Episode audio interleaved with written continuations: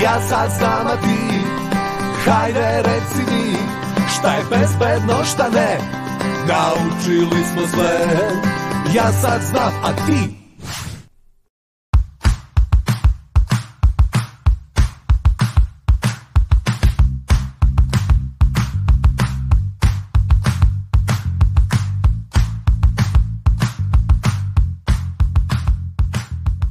Kada kažete zima, odmah pomislite na sve one divne čarolije. Grudvanje, skijanje, klizanje, sankanje.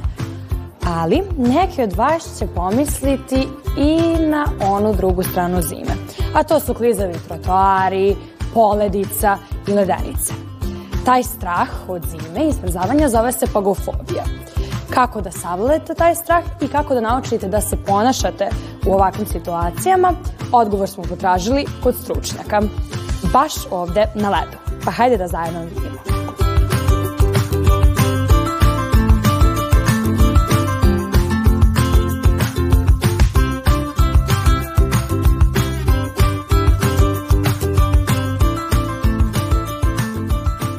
Kada si naučila da klizaš? Sa šest godina. Jesi se bojala kad ti prvi put stala na ledu? Ne. Zato što sam verovala u sebe i onda sam na kraju uspela da sklizam. A ko te je doveo prvi put na klizanje? Mama, Jel te ona učila da klizaš? Ko te učio? kleneli. I kako su treneri radili s tobom? Šta si prvo naučila?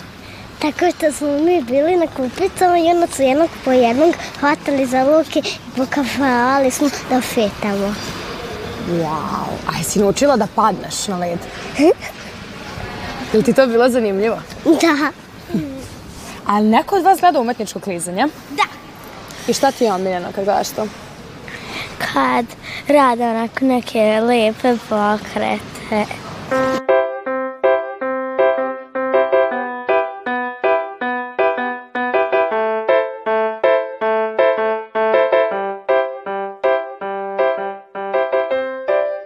Kada si prvi put stala na led?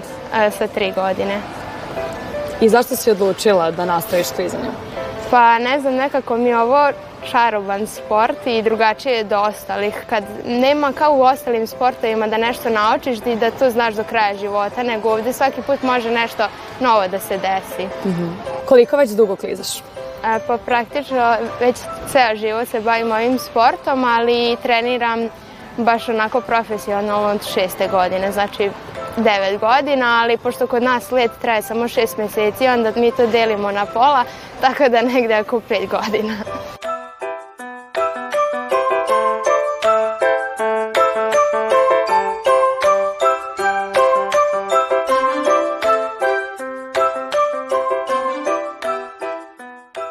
A kako da se oslobodimo od tog straha od leda? U školi klizanja uloga instruktora je jako važna.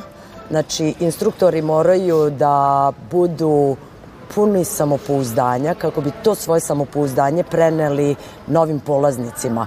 Znači, moraju da da imaju dobar kontakt sa decom, da im prosto razbijaju taj strah na sve načine. Kod malih taj strah ne postoji, ali kod velikih neki potkriveni strah zaista ometa klizanje zato što stvara neki grč i zategne mišiće sve noge i onda čak i neki padovi bi mogli da budu opasni u našem sportu. A da li postoji način da bezbedno padnemo? Kako možda to možemo da naučimo? Da, to je naša prva vežba u školi klizanja i tu vežbu prvo probamo van leda. Znači, naučimo decu kako najbezbednije da padnu. Obavezno im kažemo posle pada da podignu ruke gore. To je iz bezbedonosnih razloga, da im neko slučajno ne pređe šinom preko prstića. I zatim ih obučavamo kako posle toga da ustanu. To svako dete savlada već na prvom času, tako da i vole, vole tu vežbu, to im je interesantno, pošto svako dete voli, moli da se valja po ledu. Šta se razvija klizanjem? A, klizanje spada u one sportove gde su nam zapravo sve mišićne grupe uključene. Znači, ceo lokomotorni aparat je uključen u ovu aktivnost. Ono što je specifično za klizanje jeste da jako dobro razvija termoregulacioni sistem. To znači da deca kada borave ovde na hladnom, kao što možeš da vidiš, a, ove devojčice koje se bave umetničkim klizanjem su sada već u ovim godinama baš lagano obučene, mm -hmm. ali one prosto imaju tako dobro razvijen taj sistem da su se navikle na ovu hladnoću da. i samo savetujemo mališanima da budu dobro obučeni, ali ne zbog hladnoće, nego samo zbog neke udobnosti i malo da ublaže svoje padove. Tako da, da. samo iz tog razloga savetujemo da budu zimski obučeni, ali jako brzo se i oni naviknu. Mm -hmm. Ovde u našoj dvorani je neka idealna nula, bez virusa, bakterija, da. tako da a, klizanje nije jednostavan sport, klizanje je izuzetno naporan sport i kada naučite neke svoje prve klizačke korake i akrobacije, to prosto kod deteta razvija samouverenje, ta ljubav koja se stvori prema ovom sportu traje za ceo život i može ova aktivnost da se koristi celog života. Da, da, da. Kada se nađemo na nekom ledu na ulici, Dobro. kako da pazimo da se ne okliznemo i ne padnemo? Ovako. Šalim se. Na ledu nema opuštanja.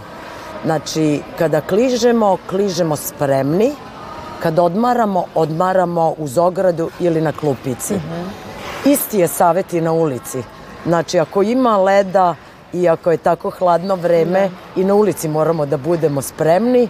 Iako često naše klizačice pričaju kako bi htele nešto na ulici da pokažu što znaju ovde na ledu, pa se često desi da padnu na ulici, a ne padnu ovde na ledu, ali to je zato što nemaju klizaljke, nego klizave cipele.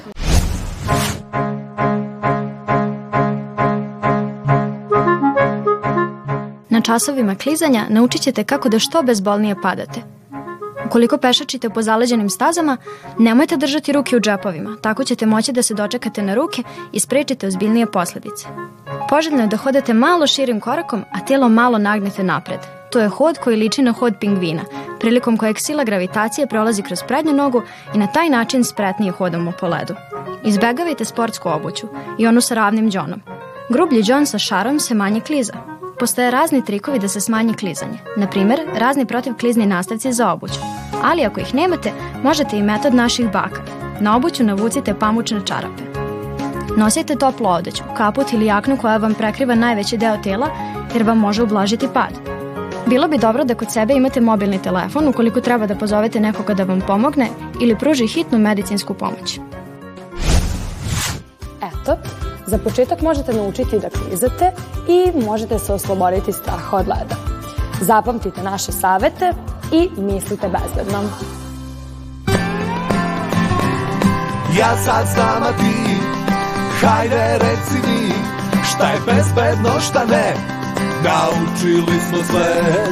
Ja sad znam, a ti,